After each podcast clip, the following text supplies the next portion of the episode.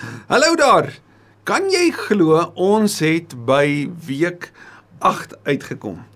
Ons is nou al vir 7 weke besig gewees met Paulus se groot probleemstelling, sy probleemstelling oor die sonde, sy probleemstelling oor hoe die wet dit nie kan kan aanspreek nie, hoe die besnydes dit nie aangespreek het nie, hoe die Griekse wêreld en hulle gnostisie dit nie aangespreek het nie. Hoe soos ons verlede week gesien het, almal gesondig het en onder God se straf moes kom. Maar in Christus is daar 'n 'n genadegeskenk, 'n vrygeskenk vir jou en my. Verlede week die baie kort bondige beskrywing, 'n baie intense beskrywing oor die diepte van die evangelie, oor die groot rol van drie fees. Onthou jy? Vryspraak. God wat in die evangelie vir jou en my bring by 'n plek van vryspraak. Ons is in die regte verhouding met hom. Dis wat vrygespreek beteken. Die kaiosune, to be in right standing. Vryspraak is gekoppel aan met verlossing. En en hoekom is dit aan verlossing gekoppel? Want verlossing beteken ek is verlos van die mag van die sonde. Ek is verlos van die prys van die sonde op my lewe as ek bely dat Jesus die Here is. Ek is verlos van die slawerny van sonde. En soos die uittog uit Exodus in in Exodus die Exodus die uittog uit Egipte gekom het. So het Jesus na Egipte toe gegaan en daaruit het 'n nuwe Moses, 'n nuwe verhaal, 'n nuwe verlosser gekom want ons is uit die Egipte van sonde uitgelei op pad na die beloofde land by hom vir altyd. Jesus het ons verlos van die mag, verlos en daarom is hy die soos die weldoener, die patron van ouds, die een wat ons kom loskoop het deur die prys te betaal. Ons as ons vrygespreek is en ons is verlos, is die derde vir wat ons verlede week gesien het, is daar vrede want daar het versoening gekom. Die verhouding is herstel. Ons kan in 'n nuwe verhouding met God leef, een wat hy kom herstel het, wat hy die die die die band kom bou het en wat dit ons moontlik maak. En Paulus het dit vir ons so uitgepak want hy het vir ons kom wys daarop dat God se oplossing op die probleem het hy gebring deur die kruis daar te plaas. En hoe leef ons dan nou as gelowiges wat dit aanvaar? As Paulus sê die wet maak dit nie vir jou moontlik nie, die besnydenis maak dit nie moontlik nie, die Griekse wêreld maak dit nie moontlik nie, sal Paulus se antwoord wees deur geloof alleen. En en daarom sal Paulus se volgende stap dan wees as ons dink oor geloof, waar begin jy? As jy nou dink oor die woord, wie's die vader van die gelowiges? En dis presies wat Paulus vandag saam met ons gaan begin. So baie baie welkom. Ek hoop so dat jou jou deelname saam met ons vandag vir jou waardevol sal wees, dat jy ook in ontmoeting met die Here sal hê en dat hy deur sy woord in ons lewe aan die woord sal kom. Kom ons bid saam. Here baie baie dankie. Dankie dat ons weer 'n wonderlike oomblik soos hierdie mag hê. Wonderlik Here want U is aan die woord wonderlik want ons kan vanuit die posisie waar ons is in ons eie lewe stil word en net kom vra asseblief Here kom praat met ons. Ons neem tyd, ons maak tyd, ons word stil. Ons weet as ons bid dan is dit stil in die hemel, maar maar as ons daarna stil word, mag U dan aan die woord wees. En soos wat ons vandag bietjie vir bietjie deur hierdie kosbare Romeine 4 werk. Asseblief Here, help ons om nie te mis wat U vir ons wil sê nie om regtig ons ore oop te maak ook vir u Heilige Gees om dit wat u vandag in ons lewe wil kom inplant en wat u van hier af deur ons lewe wil kom doen dat ons dit sal hoor wat dit ook al sal wees. Ek bid dat die koninkryk sal kom ook hierdeur in ons lewe en deur ons lewe. In naam van Jesus die Christus. Amen. Romeine 4 nadat Paulus hierdie hierdie groot gedagte van die offer in Christus van dat jy dit net deur geloof neem en dat die wet juis tot sy reg kom omdat die wet die sonde in ons ontbloot wat natuurlik vir ons sê ons het 'n verlosser nodig en hoe word jy verlos? Deur te glo. Pak Paulus dan verder uit vers 1 Wat moet ons nou sê was die geval? Moet ons met ons stamvader Abraham. Nou Abraham natuurlik die vader van die gelowiges. Nou weet ons Abraham was op die toneel gewees voor Moses. So Abraham was daar voor die wet. So wat is die effek? So Paulus beweeg al hoe meer agtertoe. Ons gaan sien hoe hy dit nog verder vat in die volgende hoofstuk. As Abraham vers 2 op grond van sy dade vrygespreek is, dan het hy 'n rede gehad om te roem sien jy sou kon sê dat as Abraham wat hierdie vader van die gelowiges was, wat in hoofstuk 12 van Genesis 'n totale draai maak op wat waar hoofstuk 11 ons gelos het. Hoofstuk 11 los ons by die toring van Babel, die groot effek van die sonde, die mens wat wat die hemel wil bereik uit sy eie eie vermoë uit. Dan begin hoofstuk 12 met God se roeping van hierdie man uit die vreemde. Hy was 'n man aanbidder. Dis waar sy familie vandaan kom. Daar uit Ur uit wat die beskawing en die bekendheid en die gemak van sy wêreld verlaat om agter 'n onsigbare God aan te stap. Wat hy gehoor het. Wat hy hoor die Here sê maar ek gaan vir jou 'n land gee en ek gaan vir jou nageslag gee. Hierdie man wat al 'n paar jaar oud was, wat wat hoor. Wat moet ons hoor by hom? Ek wil hierdie dade wat hy gedoen het, as hy daar volgens op sy dade vrygespreek sou word, dan heel duidelik het hy rede gehad om te roem en en dan sou dit kon sê maar vir die Joodse gelowiges van Rome, hulle kan roem op hulle dade. Maar Paulus se fokus is mos nie op dade nie. Sy fokus is nie op verdienste nie. Sy fokus is op geloof. So kyk wat sê hy dan. Maar nie by God nie. Jy sien nie by God kon roem op jou daar nie. Kyk wat sê hy. Wat sê die skrif? Abraham het in God geglo. En dis Paulus se hele argument tot op Here. Dit gaan oor geloof, nie verdienste nie. O, ons is lief vir handvatsels, nê. Nee. Ons wil kan sê ek het dit verdien. Ons sê dit nogal vir mekaar as jy 'n bevordering of 'n werksgeleentheid kry of as iets goeds met jou gebeur, dan is mooi so, jy verdien dit. Paulus vir daai hele fokus op verdienste. Ons beheptheid met verdienste vat hy weg. Om te sê jy verdien en hy het dit vir ons gesê, jy verdien niks, jy verdien die dood, jy verdien die straf, maar in Christus is daar vir jou 'n nuwe erfenis. En nou deur deur Abraham te gebruik, kyk wat sê hy? Abraham het in God geglo en God het hom vrygespreek. In Galasiërs noem Paulus hom die vader van die gelowiges. 'n Arbeider se loon word nie vir hom as 'n guns gegee nie, maar as iets wat hom toekom. So teenoor verdienste wat 'n arbeider kry, wat hy dit verdien, is daar 'n geskenk wat gegee word.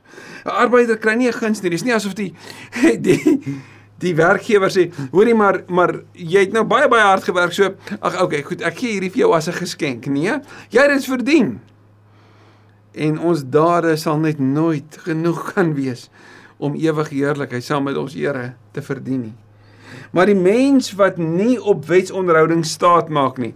So die mens wat nie afhanklik is of wat nie sê ek is goed genoeg nie maar wat glo in hom wat goddeloos is vryspreek. Hy kan die vry hy kan hy kry dit, skus, hy kry die vryspraak deur sy geloof. En dit is die evangelie. Die mens wat nie steen op wets vir onderhouding nie. En beteken dit dat die mens wat glo nie wetsonderhoudend leef nie? Nee, nee, nee, nee, nee, wag, wag, wag. Moenie verward raak nie. As jy die wet onderhou, is dit omdat jy glo. Jy onderhou nie die wet sodat jy kan glo of sodat jy uiteindelik by God kan uitkom nie. Nee. Die Here het dit vir jou moontlik gemaak. Jy aanvaar wat hy vir jou kom doen het en nou leef jy nie. Dis Paulus se groot groot punt. Die mens wat nie steen op wetsonderhouding nie, kry hierdie geskenk. Nie uit verdienste nie, maar omdat dit namens hom verdien is. En hy kan staat maak op vryspraak deur sy geloof. So sê ook Dawid dat die mens geseënd is wat deur God vrygespreek word buite wetsverhouding om. Dawid skryf dit in Psalm 32. So nou het Paulus al gewys op Moses, hy het al gewys op die wet, hy het al gewys op die besnydenis, hy het al gewys op Dawid, nou wys hy op Abraham. Alles vanuit die feit dat die wet is maak dit vir jou my onmoontlik om by God uit te kom. Dit openbaar juist die sonde in ons harte. So hoe kry ons dit? Wel deur Abraham se voorbeeld te volg, deur te glo. Deur te glo en te beleef God het my vrygespreek. Geseënd is die mense wie se oortredings nie gestraf word nie, dis Psalm 32, en wie se sonde vergewe word. Geseënd.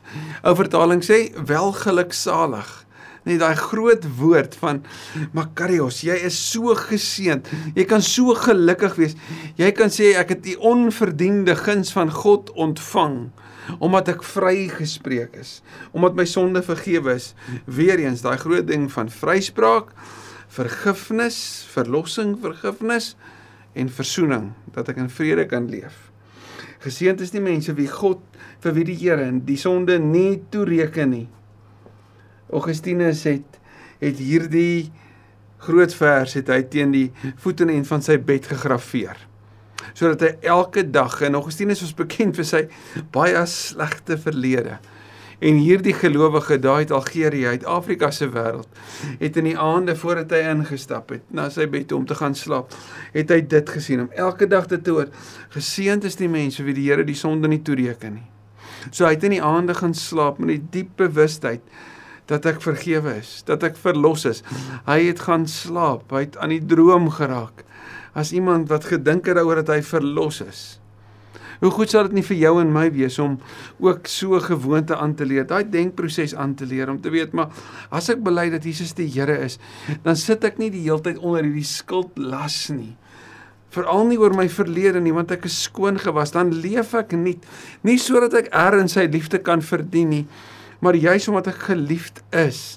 En as ek val, as ek dit verkeerd kry, as ek die verkeerde woorde sê of die verkeerde dinge doen, die verkeerde gedagtes dink, dan dan moet dit my nie moedeloos maak en my keer nie, dan moet dit my juis herinner, maar ek het 'n Here wat vir my gesterf het toe ek nog sondig was. Dit gaan ons in in hoofstuk 5 sien. Ek het die Here toe ek nog ver van hom was, klaar die brug gebou het na my toe. Klaar dit moontlik gemaak het dat die verhouding herstel kan word. En dit was nie toe op grond van wat ek verdien het nie of wat ek gedoen het nie. En dis nou ook nie so nie. Want hy is wie hy is en hy het dit vir my moontlik gemaak vers 9 het hierdie uitspraak oor wie geseënd is dis die geseëndes oor wie die Here die sonde nie toereken nie het dit net betrekking op die besnedenis of ook op die onbesnedenis? Paulus argumenteer nou ons sê weer deurdat Abraham geglo het het God hom vrygespreek. Maar wanneer het dit gebeur? Was nie omdat die Jode het geroem op die wet En Paulus het dit gewys dat dat daar uit die ongelowige wêreld mense is wat die wet nagekom het en dat daar uit die Joodse wêreld mense was wat dit gebreek het. So daaruit het hy daai argument van hulle daai daai plek waar agterlig weggekruip het, het hy kom wys maar maar julle is net so skuldig in die tweede plek waar hulle weggekruip het was natuurlik die besnedenis en hy het dit ook gewys. Maar as daar 'n gelowige was wat 'n argument wou kom en steeds wou sê maar maar ek is besny. Kyk wat sê Paulus nou vir hulle. Wanneer het dit gebeur? Ek bedoel wanneer het God hom vrygespreek? Toe hy reeds besny was of toe hy nog onbesneede was? So wanneer het hierdie verhouding wat God moontlik gemaak het vir Abraham om met hom te hê, wanneer het plaasgevind? Toe hy besneede was of toe hy nog onbesneede was? Dit was toe hy besneede was nie, nee, dit was nie toe nie. Maar toe hy nog onbesneede was. Daarom kan Abraham nie roem op sy dade nie. Daarom kan hy nie roem op sy besnedenheid nie want hy was nie besny gewees nie. Nee, hy kan net roem op God. Het hy die besnedenis as 'n teken ontvang? Hy het ja, dis Paulus se punt. Hy het dit as 'n teken ontvang van wat wat wat God gegee het. Abraham jy het geglo en daarom daarom draai jy dit, maar natuurlik was dit 'n teken gewees om in daai tyd in daai konteks vir daai spesifieke situasie en vir dit wat net daarna sou gebeur Ek kom sê van hierdie Here wat verbond sluit. Wat jy in geloof volg. Dit is die seël wat bewys dat God hom vrygespreek het deurdat hy geglo het toe hy nog onbesnede was. Nou weet ons en ons moet dit nooit vergeet nie vanuit die voorafgaande daaruit hoofstuk 2 al het Paulus gepraat oor besnede harte, nê? Nee? So moenie dit dit uh, verloor nie. Die doel daarmee was dat hy die vader sou wees van almal wat glo al is hulle nie besny nie. En daardie kom sê Paulus vir die vir die heidense gelowiges, vir die Griekse gelowiges van hierdie gemeente in Rome, ook julle is kinders van Abraham. Want Abraham het deur geloof die vader geword van almal wat glo. Dis ook die onbesnedenis want hy het geglo toe hy onbesnede was.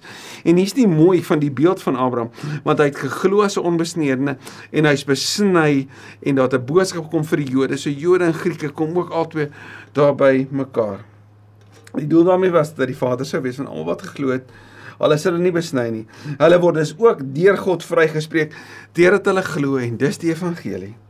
Ons voorvader Abraham sou ook die vader wees van die besnedenis wat nie net besny is nie, maar ook glo, soos hy geglo het toe hy onbesnede was. Wat sê Paulus? As 'n Jood wat sê ek is besny, ek is kind van God, sê Paulus, maar jy moet nog steeds glo. Jy moet glo in Jesus. Anders het jy 'n onbesnede hart. Jy kan nie op grond van jou etniese afkoms daarop aandring en en aanspraak maak dat jy by God sal wees nie. Nee, dan moet iets met jou lewe gebeur. Jy moet dit glo. Dit is trouens nie sê vers 23 omdat ag vers 13 ekskuus omdat Abraham die wet van Moses onderhou het dat aan hom en sy nageslag die belofte gegee is nie. Of is dit? Nee, hy sê dat hy die wêreld as besitting sal ontvang nie. Maar wat? Maar omdat hy vrygespreek is dat hy geglo het. Dis nie omdat Abraham iets gedoen het nie want hy het nie die wet van Moses gehad nie. So hy kon nie staat maak daarop dat hy die wet onderhou nie. God het hom vrygespreek omdat hy geglo het nog voordat hy besny was. So hy kon nie op sy besneernis waarop die Jode geroem het en op die wet waarop die Jode geroem het. Hy kon nie op dit reken nie. So waarop kon Abraham vertrou? Op God wat hom vrygespreek het deurdat hy glo. Abraham wat nie die wet gehad het nie, was die vader van die gelowiges. Gaan lees gerus meer wat Paulus hieroor skryf in Galasiërs 3 vanaf vers 17. So die ideologie van die Grieke en die Romeine wat gesê het dat wetsonderhouding bring vir jou 'n verdiende loon van 'n beter wêreld is nie waar nie. Geloof alleen. So die evangelie staan teenoor 'n wêreldbeeld wat sê ek verdien. Want soos Paulus gewys het met sy probleemstelling, wat ek verdien is die straf. Wat ek kry as geskenk is vryspraak. As mense deur wetsonderhouding deelgenote van die belofte sou kon word, sou die geloof sy betekenis verloor het en die belofte sy krag. Wat kom sê Paulus daardeur? Daar's nie een of ander vorm van 'n Bybelse weergawe van karma nie dat jy kry wat jy verdien nie. Inteendeel, vir gelowiges kry jy juis nie wat jy verdien nie. Die wet bring vers 15 juis die straf van God, want waar daar nie 'n wet is nie, is daar ook geen oortreding van die wet nie. Maar dit mos in 1 vers 18 tot 32 gee, daar's geen verskoning nie. Maar Paulus is besig om te praat met die Jode wat die argument voer dat die wet vir hulle vryspraak kan bring as jy dit navolg. Paulus sê maar wat van die mense wat wat nie die wet het nie. Wel, die wet openbaar die sonde in ons. En die sonde sê ek het 'n verlosser nodig. En daarom het die belofte deur die geloof en dus uit genade tot Abraham gekom sodat dit van krag sou bly vir sy hele nageslag. Die God van die verbond het 'n het 'n belofte gesluit. Dit is 'n een eensidedige verbond van God af. Dis God wat gesê het ek maak vir jou 'n lig vir die nasies. Dis God wat gesê het ek gaan vir jou 'n nageslag gee. Dis God wat vir Abraham geroep het. Dis God se inisiatief. En al wat Abraham moes doen is om dit in geloof te aanvaar. En hier's die mooi, die Here wat die inisiatief neem is die Here wat die uitnodiging gee. En dis die antwoord op die probleem van sonde. Jy kan dit net ontvang, die genade geskenk van Christus. En sy nageslag is nie net die wat die wet ontvang het nie. Ander woorde Moses en dies meer nie, maar ook die wat glo soos Abraham geglo het. So die nageslag van Abraham was beide Jode en Grieke. Hy is immers die vader van ons almal. Paulus se punt. En weet julle vir die Jode wat wat so geroem het op hulle agtergrond en hulle Joodse tradisies en hulle wet en hulle besnydenis en dan ook op Abraham as die vader van die gelowiges met met Isak en Jakob en en almal wat daaruit kom tot by Josef reg deur hulle hele storie. Weet julle wat moes in hulle harte gebeur toe hulle moes oopmaak en sê maar nie net ons nie, julle ook. Julle deel ook in die storie. Dis hoekom ons kan wees waar ons is vandag omdat Paulus juis hierdie groot waarheid oopgebreek het wat inklusief, insluitend op geloof gefokus het. Dit is die evangelie. Hy is immers die vader van ons almal. Soos daar geskrywe staan, ek het jou vader van baie nasies gemaak. Dan kyk gerus na die verwysings daai in die notas en as jy dit nog nie het nie, ek stuur dit graag vir jou. Dit is hy in die oë van God en wie hy geglo het. God wat dooi is lewend maak en dinge wat nie bestaan nie tot stand bring deur sy woord. God wat die skepper is, is ook die herskepper. Hy bring dit wat dood is tot lewe. Hy red sê Romeine 1 vers 16 jou uit doodsgevaar uit. Is hierdie Here wat antwoord op geloof. Toe daar geen hoop meer was nie, het Abraham nog gehoop en geglo. Gaan kyk maar gerus Genesis vanaf vers vanaf hoofstuk 12 maar ook in hoofstuk 17 vers 17. Abraham kry die belofte. Nou is hier 'n vinnige vraag vir jou en my. Hoe lank dink jy het dit gevat vandat God vir Abraham beloof het totdat sy seun gebore is? 1 jaar? Bietjie langer as 9 maande? 2 jaar? 10 jaar? 25 jaar. 25 jaar vanaf die Here die belofte gespreek het tot dit op 'n hoë ouderdom Abraham uiteindelik die pa van Isak geword het. Het Abraham nog gehoop en geglo en so die vader van baie nasies geword volgens die belofte. God self het voorsien. So sal jou nageslag wees, soos wat die Here gesê het. Al was hy so wat 100 jaar en al het hy dus goed besef dat sy liggaam reeds gedaan was en dat Sara te oud was om kinders te hê, het sy geloof nie verswak nie. Nou as ons gaan terugkyk op Abraham se geloofslewe, dan sien ons dat daar 'n uitdaging was met sy vrou wat gelag het. Ek sê maar hierdie is nie moontlik nie. Sy vrou wat uiteindelik vir hom gesê het, "Maar kom ons maak 'n plan. Kom ons kry vir vir Hagar dat sy maar liewer die ma word van van 'n kind van jou sodat jy op hierdie manier darm 'n nageslag kan hê." So amper asof Sara kon sê, "Maar kom ons help die Here 'n bietjie uit." Né? Nee, met respek gesê. En dan weet ons dat daar uitkom die kind Ismael en ons weet dat die Islam hulle self daarin trek en dat hulle daarom sê maar hulle het 'n ouer geloof, 'n ouer godsdiens as as wat die Jode het. En hierdie twee boeties is eintlik die heeltyd in worsteling vandag nog. Maar die punt is Abraham het die pa geword toe nou van Ismael. So Abraham het het beleef dat op 'n hoë ouderdom het hy pa geword, maar die belofte was mos met Sara. En dan kom sê Paulus vir ons maar Die Here het Abraham se geloof wat hy in God gehad, sy vertroue wat hy in God gehad het. Die Here het dit beantwoord deur vir hom wel die pa te maak van die beloofde kind wat wat God bedoel het, naamlik dat Isak gebore sou word. Vers 20: Hy het nie in ongeloof begin twyfel aan die belofte van God nie, maar hy is in sy geloof versterk en het aan God die eer gegee want God het gehelp. God het ingegryp. Al wat Abraham moes doen is om die Here te vertrou. Al wat Paulus hier kom sê vir jou en my is om redding te beleef, om gered te word, moet jy net met alles in jou op Jesus vertrou. Hy was ook ten volle daarvan oortuig dat God mag het om te doen wat hy beloof het.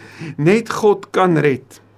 So ek en jy sou kon vra, maar hoe is dit moontlik? Dat iemand wat die dood verdien, dat iemand wat verskriklike goed aan ander mense gedoen het, dat so 'n persoon ooit gered sou kon word. God kan dit doen, maar hy's God nie 'n mens nie. Hy kan mense red. Hy kan hulle vryspreek. Hy kan hulle belydenis aanvaar en hulle skoon was en hulle in posisie en in ere herstel. So daarom weer, Here doen dit vandag ook in ons wêreld, in ons omgewing, nê? So wat Billy Graham gebid het en soos wat John Wesley gebid het. Mag ons dit ook bid. Vers 22: Deurdat Abraham geglo het, het God hom dus vrygespreek. Dat hy vrygespreek is deurdat hy geglo het, is nie net ter wille van hom opgeteken nie, maar ook ter wille van ons wat vrygespreek sal word. En kyk hoe sê Paulus dit? Ons wat in God glo, wat vir Jesus ons Here uit die dood opgewek het sien hier is die gevolg van Paulus se opbou, sy hele opbou oor geloof en dat geloof alleen nodig is. Paulus wil kom sê en hy sê dit vandag vir jou en my ook. Al wat jy nodig het is om volledig op God te vertrou, volledig in Christus te glo. Vir Christus wat nie simbolies uit die dood uit opgewek is nie, wat nie as 'n idee uit die dood uit opgewek is nie, maar wat fisies deur God uit die dood opgewek is. Christus wat gesê het, hulle gaan my kruisig en ek gaan na 3 dae opstaan. Deur fisies jou geloof op hom te plaas, volledig op hom te vertrou. Deur te sê Here, ek aanvaar u versoeningsdood vir my, sal ek gered word. Hoef ek nie te steun op my dade nie, hoef ek nie straf te vrees aan die einde van tyd nie, kan ek verseker verseker weet Ek is die Kaiosune, ek is vrygespreek. Ek is in die regte verhouding omdat ek vergewe is. Ek is verlos. Daar's verzoening, die vrede is herstel. Vers 25 Hy is van wie ons oortredings oorgelewer en hy is opgewek sodat ons vrygespreek kan word. Dis die evangelie, Christus in my plek, in my plek gestraf, in my plek die oordeel op hom geneem. In my plek het hy die vrede herstel, in my plek het hy die dood oorwin, in my plek het hy opgestaan sodat ek deur my geloof in hom te plaas op kan staan en nuut kan lewe. Vandag wil ek jou dit vra, glo jy dit? Glo jy dit regtig? Glo jy regtig dat jy nie hoef te steun op jou dade nie? Nie hoef te steun op jou vermoë nie. Nie hoef te steun op jou verlede, jou etniese afkoms of enigiets anders nie. Asof wat hy vir jou kom doen het. Wanneer Paulus vir ons kom wys hoe groot die probleem van sonde is, hoe magteloos ons as mense is, dan los hy ons nie daar nie. Ons sê daar's 'n antwoord. En die antwoord is nie die mense idee nie. Die antwoord is nie ene van 'n plan wat 'n mens eers uitgedink het omdat hy baie slim en baie tyd gehad het nie. Nee. Die antwoord is so teen wat verwag sou word. Dat God onder ons kom woon het, dat God in ons plek die sondebok geword het, dat God in ons plek die prys kom betaal het, dat God namens ons kom sê het vergeef hulle want hulle weet nie wat hulle doen nie dat God kom sê het maar hier's my gees om in julle te woon om julle te herinner oor die waarhede wat ek vir julle kom wys het kom leer het sodat julle nuwe mense kan wees en vir altyd by my kan wees. En al wat ek moet doen is wat? Om dit te aanvaar dit te glo. En ek is vrygespreek. Dankie Here dat ek dit vandag kan weet. U weet van die week wat verby is of die dag wat verby is. Jy weet waarmee ek worstel. Jy weet ek sukkel met verdienste. Ek sukkel dalk in verhoudings. Ek sukkel dalk om goed reg te kry en ek ek raak moedeloos. Jy weet hoeveel keer het ek gedink dat wanneer dit goed gaan met my het ek heel duidelik goed gedoen, soos Job van ouds. En vandag as ek voor u sit of dalk ry ek in my motor en ek luister hierna, waar ook al dit is, Nou hoor ek u stem vir my sê, maar glo net. Glo net. En ek wil daarop antwoord vandag deur te sê, Here, ek glo. Glo dis die waarheid. Ek glo soos Abraham van ouds toe hy niks gehad het nie, nie die wet nie, nie 'n storie van 'n verlede nie, nie eers 'n verstaan van wat vorentoe kom en wat wag nie, nie die besnydenis nie, nie eers 'n beloofde seun wat klaar gegee is nie, toe hy letterlik niks gehad het nie, maar net die eerste tree van geloof kon neem deur weg te beweeg van die ou bekende na die nuwe realiteit waartoe U hom geroep het. Ek wil vandag kom sê Here, ek glo. En ek waag om te sê hier is ek. Hier is ek, Here. Neem my waartoe U met my wil. Dankie dat dit alles wat nodig is. En dat as ons dit vandag opreg sê, bely en glo, dat ons die ewige heerlikheid kan verwag. Bid dit in Jesus se naam. Amen. Ek het 'n jaar terug in die hospitaalkamer van my pa gesit in die hoë sorgeenheid so week voordat hy die ewigheid in is. En ek onthou ek het my pa net een vraag gevra. Sê dad, glo dad dat Jesus vir dad se sonde gesterf het en betaal het? My pa was nie 'n kerkmens nie. Dis wie hy was. En hy het van hy sê baie siek toestand vir my in die oog kyk en sê met my hele hart. En ek sal nooit vergeet wat se vrede het ek op daai oomblik beleef nie. So ek kan jy glo as daai vrede ons in en kan ons daarmee gaan leef. Ek hoop jy het regtig 'n mooi week.